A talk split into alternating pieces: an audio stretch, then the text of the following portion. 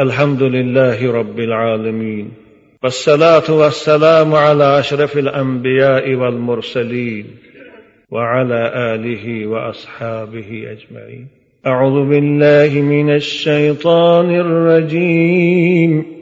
فلا أقسم بالخنس الجوار الكنس والليل إذا عسعس والصبح إذا تنفس إنه لقول رسول كريم ذي قوة عند ذي العرش مكين. مطاع ثم أمين وما صاحبكم بمجنون ولقد رآه بالأفق المبين وما هو على الغيب بظنين وما هو بقول شيطان رجيم فأين تذهبون؟ فأين تذهبون؟ إن هو إلا ذكر للعالمين. لمن شاء يستقيم وما تشاءون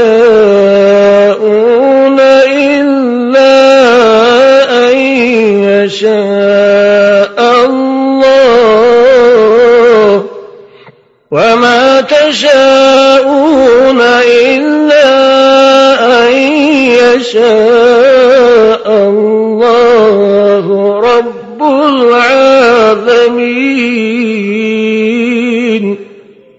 صدق الله العظیم. در آیه های مبارکی تلاوت شده پروردگار با آن بزرگی و عظمت سوگند یاد می‌کند به چند از مخلوقات خود.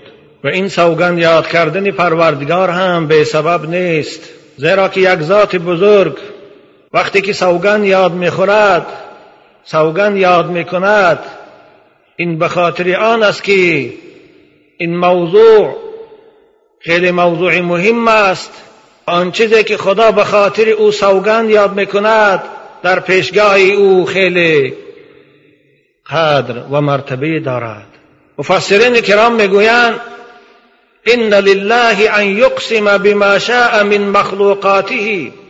پروردگار مختار است آزاد است و به هر یکی از مخلوقات خود اگرچه ناچیزم باشد اگرچه ناکرایی هم باشد سوگند خوردن ده حق دارد.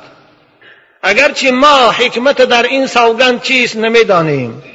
از این سبب بعضی منکران قرآن بعضی دشمنان قرآن که گویا این برای قرآن ایراد گرفتن که در آن خدا به عصر سوگند یاد کرد به آفتاب سوگند یاد کرد به شب سوگند یاد کرد او بیچاره از این حکمتش بیخبر است. او بیچاره از این تفسیر قرآن بیخبر است. او نمی‌داند که این خدا ذات است که احتیاجی به هیچ کس ندارد. ذات توانا و پر اقتدار است که به هر چی سوگند خورد می‌تواند سوگند خودش عملی کند. کسی به او حق اعتراض ندارد. از این سبب مفسرین کرام میگن حرف لا در اول کلمه لا اقسمو زایده است. مضمون آیت چیست؟ فلا اقسمو بالخنس. ای منکران قیامت و ای کسانی که به زنده شدن بعد از مرگ باور ندارید و ای کسانی که به جنت و دوزخ باور ندارید و ای کسانی که به محکمه سعودی را برپا شدنش باور ندارید این گمان شما خطاست. پس من سوگن یاد می‌کنم به ستارگان آسمان. خدا گفت ایستاده است. به ستارگانی که در روز از نظر پنهانند و در شب نور خود به عالمیان میتابانند در اینجا خدا به ستارگان خود که مخلوق خدا هستند در این فضای بیکنار در سینا هستند در حرکت و در گردشند به اونها سوگند یاد کرد ایستاده است. سوگند یاد می‌کنم. قسم می‌خورم به آن ستارگانی که در روز رخ خود پنهان می‌کنند نور خود نمایان نمی‌کنند به چشم عالمیان و در شب نور خود به عالم میتابانند. ستارگان فایده های بسیاری دارند. که امروز محل بحث او نیست. واللیل اذا عسعس. سوگند می‌خورم و قسم یاد می‌کنند به شب تار. وقتی که با پرده های ظلمانی خود عالم روشن را تاریک میگرداند. این عالم روشن با غروب آفتاب کی تاریک می‌کند؟ الله به خاطر چی تاریک می‌کند؟ به خاطر آنکه بندگان او مخلوقات جنبنده او در این شب تار آرامش یابند آسایش کنند راحت کنند دم گیرند. به خاطر این با پرده ظلمانی شب روز روشن را تاریک بکند تا که شما بعد از مهنت روزانه بر از مشقت و رنج زیاد بگاهی در نزد فرزندان خود آسایش کنید دم گیرید راحت کنید. صبح اذا تنفس و سوگن یاد می‌کنم به صبح وقتا که دم می‌زند. و آهسته آهسته با روشنی خود پرده ظلمانی شب را دور می افکند و عالم را و کره زمین را با نور آفتاب روشن می گرداند به خاطر چی؟ به خاطر چی صبح؟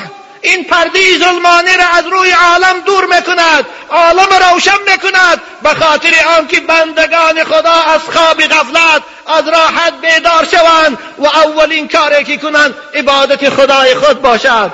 پس آن از پی زندگی خود برای تأمین حیات خود برای آبادی جامع و دنیا حرکت کنند. و صبح اذا تنفس که می آرد این روز روشنه که می آرد این شبی ظلمانی را برای راحت ما و شما الله قرآن می‌گوید قل ارأیتم ان جعل الله عليكم الليل سرمدا الى يوم القيامه من اله غير الله ياتيكم بضياء افلا تسمعون پیغمبر به این منکران خدا بگو اگر پروردگار شما این شب در جای خود باقی ماناند و این کره زمین از حرکت باز داراند و همه روی زمین تاریک باشد که می‌تواند برای شما روزی روشن بیارد تا اینکه شما حیات خدا زندگی خدا ادامه دهید؟ که می بیارد افلا تسمعون؟ آیا به این حکمت خدا یک بار گوش نمی اندازید آیا به این آیت خدا یک بار با تفکر گوش نمی اندازید که خدا چی می‌گوید؟ اگر عالم هم وقت شب می بود آن روز یخها روی زمین فرا می آن روز کره حیات کره زمین از حیات جدا می گشت قل ارائیتم ان جعل الله عليكم النهار سرمدا الى يوم القيامه من اله غير الله ياتيكم بليل تسكنون فيه افلا تبصرون؟ ای پیغمبر به اینها بگو. اگر خدای تو این روز همیشگی نگاه می داشت و روز هرگز شب نمی شد و آفتاب هرگز غروب نمی کرد همیشه گرم می ایستاد کی برای شما شب را که برای راحت و آسایش است به شما می آورد؟ کی می آورد؟ غیر خدا کسی هست که برای شما شب بیارد؟ یا غیر خدا کسی هست که برای شما روزی روشن بیارد؟ یا غیر خدا کسی هست که این زمین در گردش درارد هست. افلا تبصرون آیا به چشم عبرت نگاه نمی آیا خالق این کره زمین آورنده این شب و روز کدام روز؟ کدام روز وقتی که اخبار نگاه می‌کردم؟ عالم های دنیا در تشویش. همه متخصص های اقیانوسشناس تشویشند به خاطر آنکه یخهای چندین هزار سالی اترکتیده و آتیان یخبستی شمالی آب شده رفته ایستاده است. همه تشویشم به خاطر آنکه اگر اونها به این منوال آب شدن گیرند کره زمین زیر آب میموند حیات در روی زمین تغییر مییابد. اگر خدا آفتاب همیشگی دارد شب نبیارد زمین از حرکت باز دارد او یخها آب می‌شوند زمین ما در زیر آب میموند یک بار این تماشا می‌کنه باری و تدبر می‌کنه تفکر می‌کنه که این یخهای هزار سال را آب کرد ایستاده است؟ کی شعای آفتاب و گرمی آفتاب در اتراکتین زاید کرد ایستاده است؟ کی؟ افلا تبصرون و من رحمته. ومن رحمته جعل لكم الليل والنهار لتسكنوا فيه ولتبتغوا من فضله ولتبتغوا من فضله ولعلكم تشكرون. این رحمت خداست این نعمت بهای خداست که زمین در گردش در آورد و آفتاب و محتاب در گردش در آورد تا که برای شما هم شب بیارد و هم روز. شب به خاطر آن است که شما در آن راحت کنید در آن آسایش کنید در آن دم گیرید. روز به خاطر آن است که شما در آن جستجوی رزق کنید برای زندگی خود کار کنید. شاید که از دیدن این نشانه های قدرت خدای خود شناسید. خدای خدا در مقابل این نعمت بهاش که یک جزئی خردکه که از نعمتهای خدا داده است او را شکر کنید. شکر او به چی بشود؟ شکر خدا به پرستشش می شود شکر خدا به عبادتش می شود شکر خدا به جاری کردن قانونش می شود لعلکم تشکرون. اگر ما با همه وجود خود هر تار مویی که در بدن داریم اگر زبان شود فقط یک نعمت شبه. اگر شکرانش کنیم نمی‌توانیم ادا کرد. به جای نعمت های زیادی که خدا با ما داده است. واللیل اذا عسعس والصبح اذا تنفس. قسم و شبیتار. وقتی که با پرده های خود عالم روشن را برای آسایش راحت بندگان تاریک میگرداند.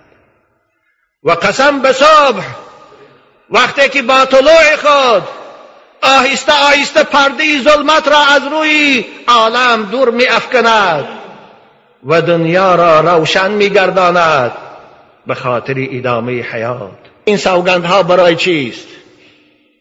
چی وادار کرد؟ خدای بزرگ و توانا را چی سوگند خورد؟ چی؟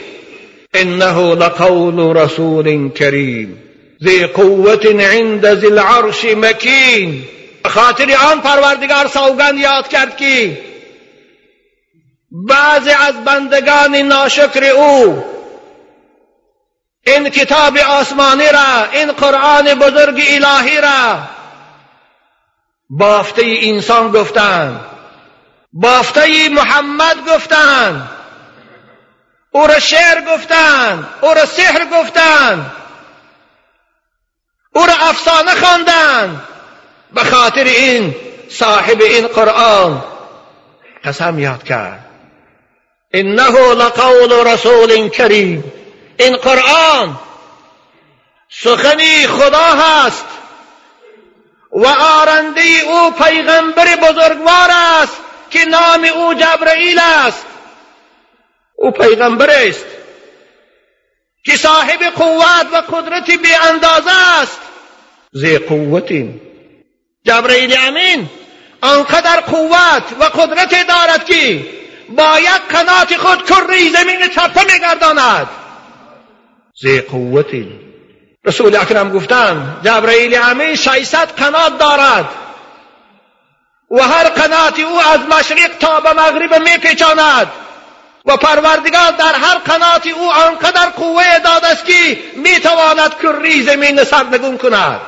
آن خدایی که هنگام سحر کرد قوم لوط را زیر و زبر. انا همون جبرئیل بود که با قنات خود شهر بالای لوتی ها در بالای گیما سکسیالیست ها چپه کرد. ذی قوت عند ذل عرش مکی او خدای است صاحب عرش.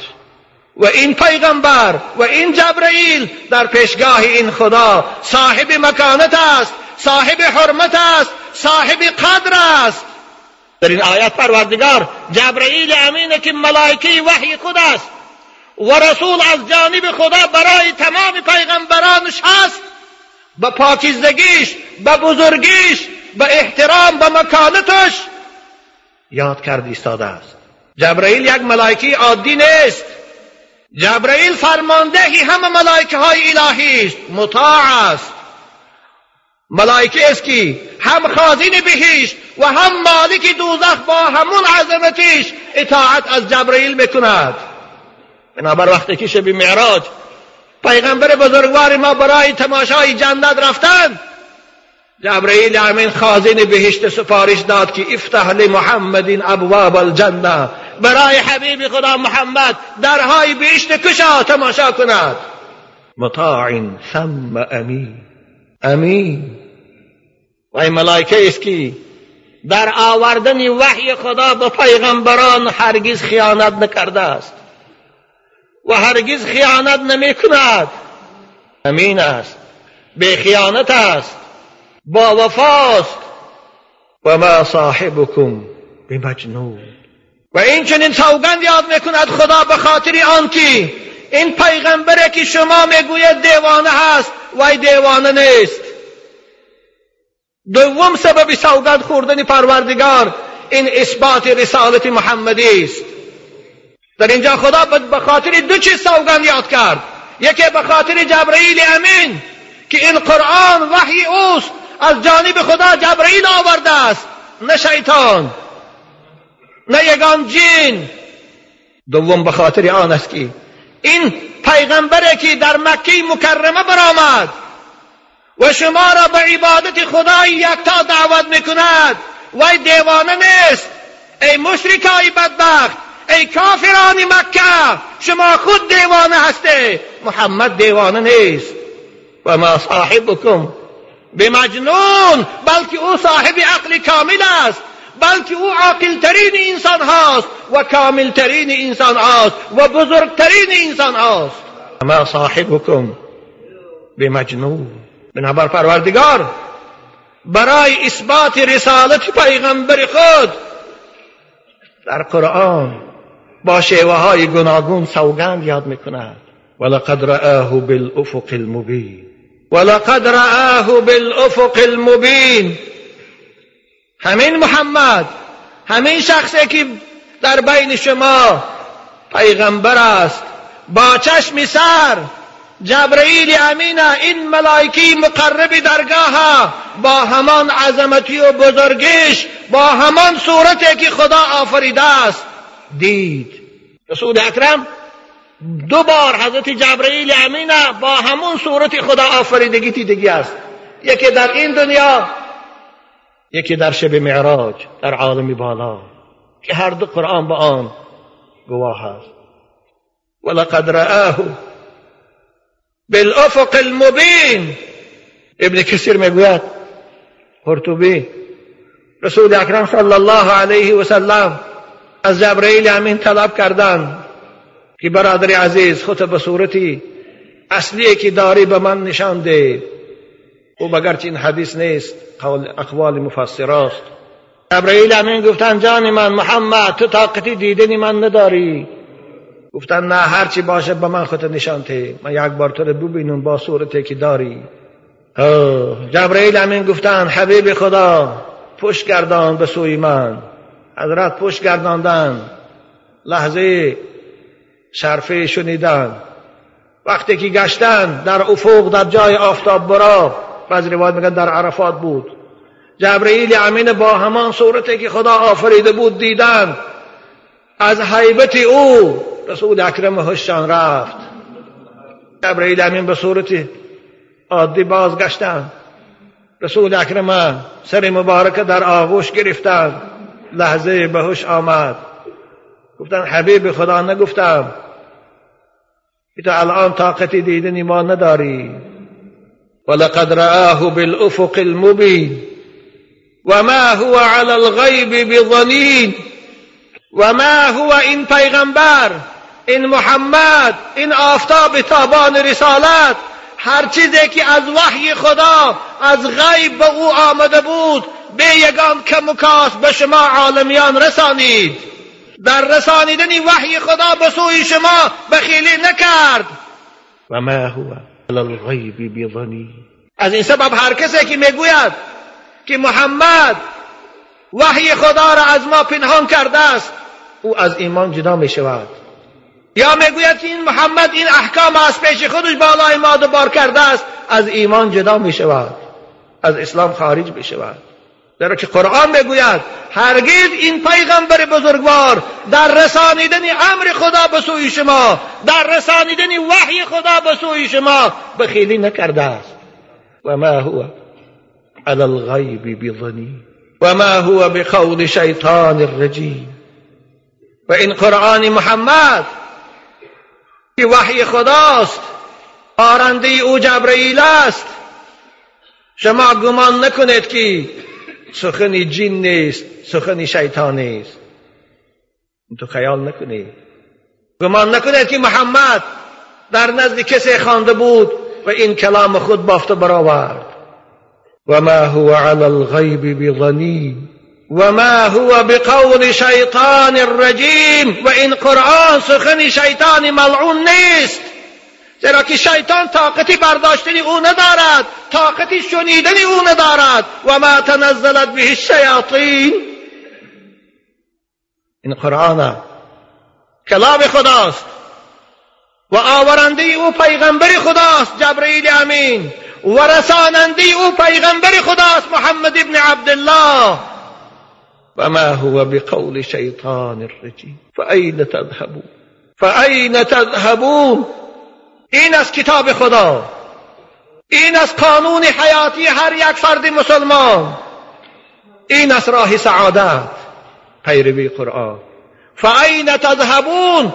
بس شما کجا می روید این قرآن عظیم و شان میموند و به کجا می روید این شریعت می‌گذارید و باز به کدام قانون پیروی می‌کنید؟ فعین تذهبون؟ خدا برای سعادت شما کتاب فرستاد. خدا برای سعادت شما پیغمبر فرستاد. خدا برای سعادت شما شریعت فرستاد. این شریعت خدا رو میمونید به کجا می‌روید پیروی کردن از قرآن میمونید باز به کدام کتاب چنگ بزنید؟ فعین تذهبون فعین تذهبون ومن يبتغي غير الاسلام دينا فلن يقبل منه وهو في الاخره من الخاسرين کجا می‌روید؟ کتابی که احکامش مانند آفتاب روشن است. جزئیات حیات با همه شاخهاش برای ما و شما بیان می‌کنه. این کتاب میمونی و باز از قفایی کی می‌روی؟ باز از کدام کتاب؟ از کدام قانون پیروی می‌کنی؟ این هو الا ذکر للعالمین. این قرآن پندهنده است. این قرآن حیات بخش است عالمیان را. این کتاب است که یکایکی ما و شما در پیشگاه خدا به خاطر وی جواب می‌گوییم. قرآن می‌گوید و انه لذکر لك ولقومك فسوف تسالون ای پیغمبر این قرآن پندهنده است از جانب خدا برای تو و برای قوم تو امتان تو تا روز قیامت. و حتما زود است که در محکمه سودی خدا تو ای محمد با همراه امتانت از این قرآن پرسیده بشوید که به قرآن چی کردید آیا به قرآن عمل کردید؟ آیا قانون قرآن در حیات تطبیق کردید؟ یا قرآن پس پشت برتافتید فسوف تسالون این تهدید است. عزیزه همین آیه که می‌خوان گریه می‌کرد. سبب گریه چیست؟ حضرت در جواب گفت والله لو توعدني حارس لخفت منه فكيف والمتوعد هنا؟ من يقول للشيء كن فيكون آخر من اگر یک مفتش یا یک پاسبان یا یک قلور تهدید کند میترسم لرزم می‌گیرد خوابم نمی‌برد.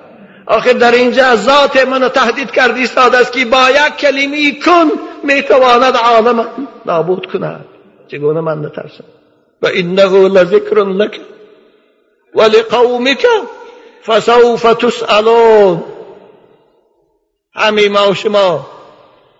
ای بندگان خدا در کدام گوشه و کناره هستیم؟ از این قرآن روز قیامت پرسیده می‌شویم. خدا قرآن برای آن نفرستاده بود. فقط که بالای مرده ها خانه در خدایی ها خانه. خدا قرآن برای آن فرستاده بود که وی دستور العمل زندگی خود قرار دهه. به امر و نهیش عمل کنه. زندگی خود تا موافق به احکام او کنه. برای این فرستاده بود. اما افسوس ما مسلمان ها امروز قرآن پرتافتیم از پی دشمنای خدا رفت ایستادیم. با تعبیری علامه اقبال حضرت می‌گوید قیمتی شمشاد خود نشناختی. قیمتی شمشاد خود نشناختی سروی دیگر را بلند برداشتی. مثل نی خود راز خود کردی تهی با نوای دیگران دل می نهی. قدر و قیمت قرآن ندانستی. برای خود قانون ها وضع کردی قانون قرآن پس پشت پرتافتی. برای خود کادکس جنایتی تیار کردی. کادکس های جنایتی قرآن پس پشت پرتافتی. قرآن چی می‌گوید؟ لقد انزلنا الیکم کتابا فیه ذکرکم افلا تعقلون ما به شما کتاب فرستادیم. که مفسرین کرام می‌گویند فیه ذکرکم ای فیه سعادتکم. والعمل بما فیه نجاتکم فی الدنیا والآخره ما به شما کتاب فرستادیم که در او سعادت شماست و عمل کردن به آیات قرآن سبب نجات شماست هم در این دنیا هم در آخرت. آیا باری هم در این باب تعقل کردی؟ باری هم در این باب تفکر کردی؟ و ما هو بالهزل. پروردگار در سوری و السماء و الطارق هم سوگند یاد می‌کند و السماء ذات الرجع والعرض ذات الصدع انه لقول فصل و ما هو بالهزل قسم به این آسمان باران بارنده. قسم به این زمین گیاه رویاننده. که این قرآن کلام حزب شوخی نیست. این کلام جدا کنندی بین کفر و ایمان است. جدا کنندی بین حق و باطل است. وما هو على الغيب بضنين وما هو بقول شيطان رجيم فأين تذهبون إن هو إلا ذكر للعالمين لمن شاء منكم أن يستقيم. خدا می‌گوید هر کسی از شما ای بندگان می‌خواهد که در این دنیا براه راست باشد.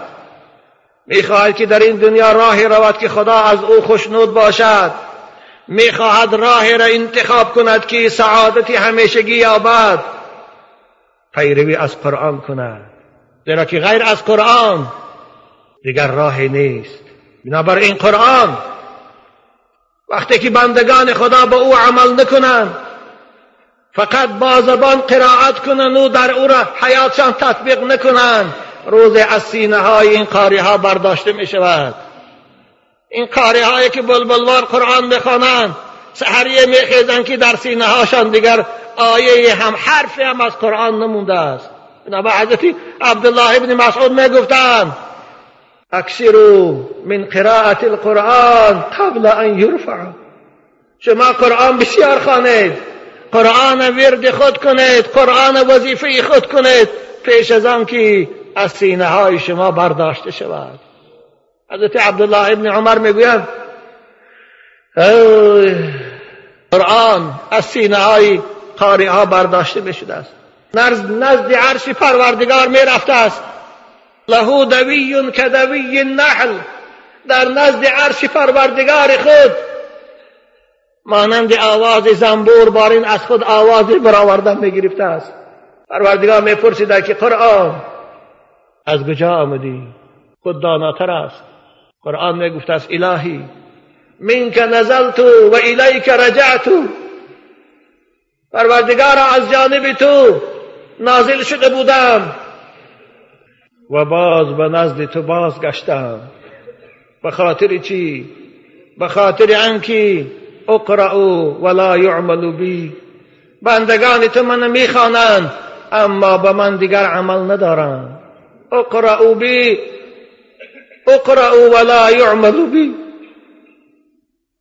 به عزیزان من طالب علمها بترسید از آن روز. از آن روز که قرآن بالای ما و شما در در پیشگاه خدا شاهد شود. که خدایا این بندی تو من تلاوت می‌کرد اما به من عمل نداشت. این هو الا ذکر للعالمین. لمن شاء منكم أن يستقيم وما تشاءون إلا أن يشاء الله رب العالمین در این آیه کلمه پروردگار به مشرکان به کافران به منکران قیامت خطاب دارد. که ای منکران قیامت و ای کافران سرسختی به بدبخت آن چیزی که شما می‌خواهید هرگز او نمی شود آن چیزی که شما می‌خواهید و آن آرزویی که شما دارید می‌خواهید قرآن به فایده خود می‌خواهید اسلام به فایده خود استفاده برید او نمی شود الا ان یشاء الله رب العالمین. مگر آن چیزی که خدای بزرگ خواهد صاحب این عالم خواهد همون می شود وقتی که می آیه مبارک نازل شد ابو جهل لعین که دشمنی سرسخت اسلام و قرآن بود. گفت به یاران خود ان شئنا استقمنا و ان شئنا لم نستقم. دموکراتی است. خواهیم محمد قبول داریم کتاب او را قبول داریم راه او را برویم نخواهیم نمی‌رویم. کی ما را مجبور می‌کنه نه همه در اختیار من است. او بدبخت تا این حد غرورش بلند شده بود. این شئنا استقمنا. بنابر مفسرین کرام میگن حضرت موسی بن سلیمان میگد اول شخصی که مذهب قدریه را سردارش بود همه ابو جل بود لعنه الله. خدا میگن نه. آنچه که شما می‌خواهید نمی‌شود آنچه که من می‌خواهم بشود. انك لا تهدی من احببت ولكن الله یهدی من یشا. پیغمبر خدا گفت که تو میخواستگی نمی‌شود تا من نخواهم. چگونه او بدبخت خواستگیش می‌شود؟ بنابر حضرت حسن بصری می‌گوید والله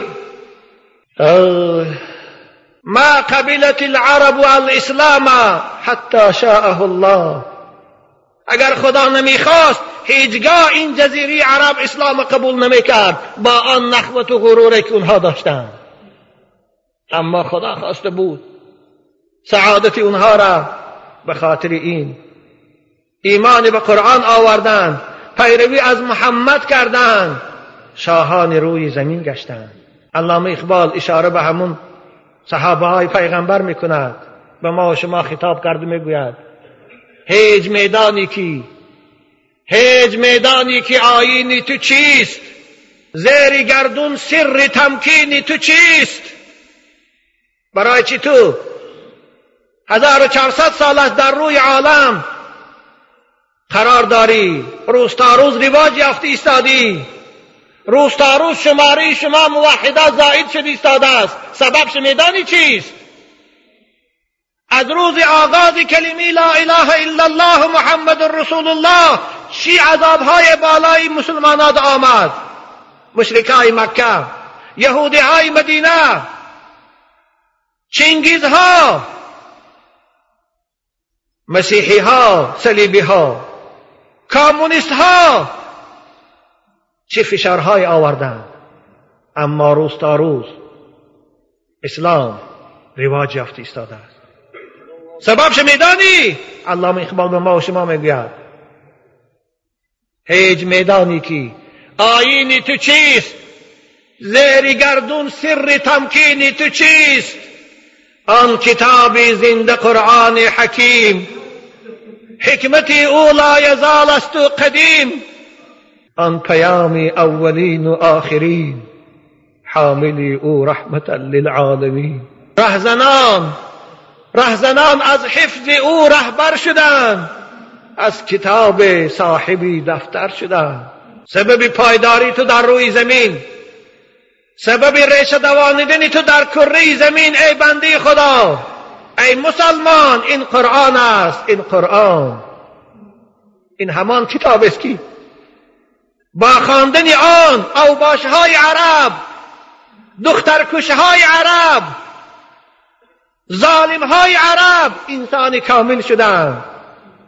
گداهای عرب صاحب تخت و تاج شدند. های عرب صاحب علم و معرفت شدند. این همون قرآن است. بنابر تو هم. ای بندی خدا ای مسلمان به قرآن تمسک کن. سعادت تو در اوست. نجات تو در اوست. عزت تو در اوست. پیشرفت تو در اوست. وما تشاءون إلا أن يشاء الله رب العالمين. امروز که ما موحدیم امروز که ما و شما در این خانه خدا برای خاطر ادای عبادت جمع شدیم عزیزان من این خواست خداست این توفیق خداست. بنده هر کاری خیر و سعادت می‌کند این خواست خدا هست این توفیق خداست. و بنده هم از راه خدا دور می شود نافرمانی خدا می کند این هم به خواست خداست اما خذلان خداست. این است اعتقادی اهل سنت و الجماعات بنابر سعدی بزرگوار می‌گوید آن را که تو رهبری کسی گم نکند آن را که تو رهبری کسی گم نکند آن را که تو گم کنی کسی رهبر نیست. کسی را که تو سعادتش در رفته باشی کسی را تو در ازل هدایت کرده باشی او هرگز گمراه نمی شود اما کسی را تو در ازل بدبخت حکمش کرده باشی. به سعادت و به نویسه به سعادت و به نصیبه تقدیرش نوشته باشی. او را کسی نمی تواند هدایت کنه و آخر دعوانا ان الحمد لله رب العالمین. این بود ترجمه و تفسیر این سوره مبارکه که سه جمعه است. ما یک ساعتی درباره آن با شما عزیزان صحبت کردیم. هزار شکر پروردگار که به من این فرصت داد.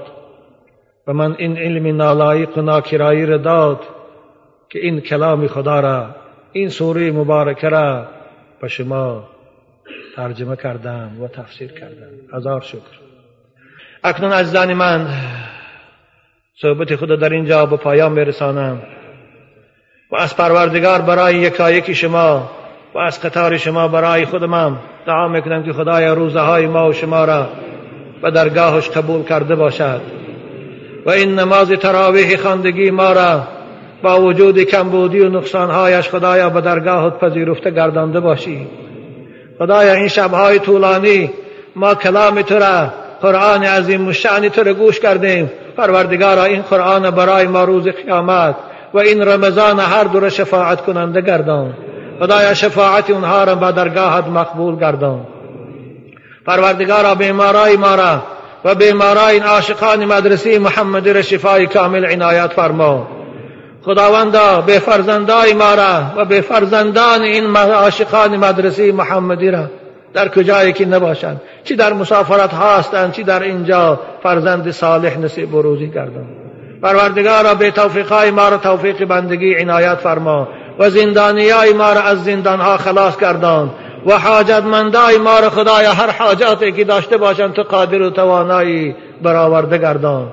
پروردگارا در این جمهوری ما فیض برکات نازل گردان و این آرامش و این صلح و صلاح همیشگی پایدار و بردوام گردان. خدایا جمهوری ما را چه اذیت پیشرفت اقتصادیات و چه اذیت پیروی کردن قرآن و سنت و پیروی اسلام در جای نمایان قرار ده. ربنا إنك عفو تحب العفو فاعف عنا يا رب العالمين.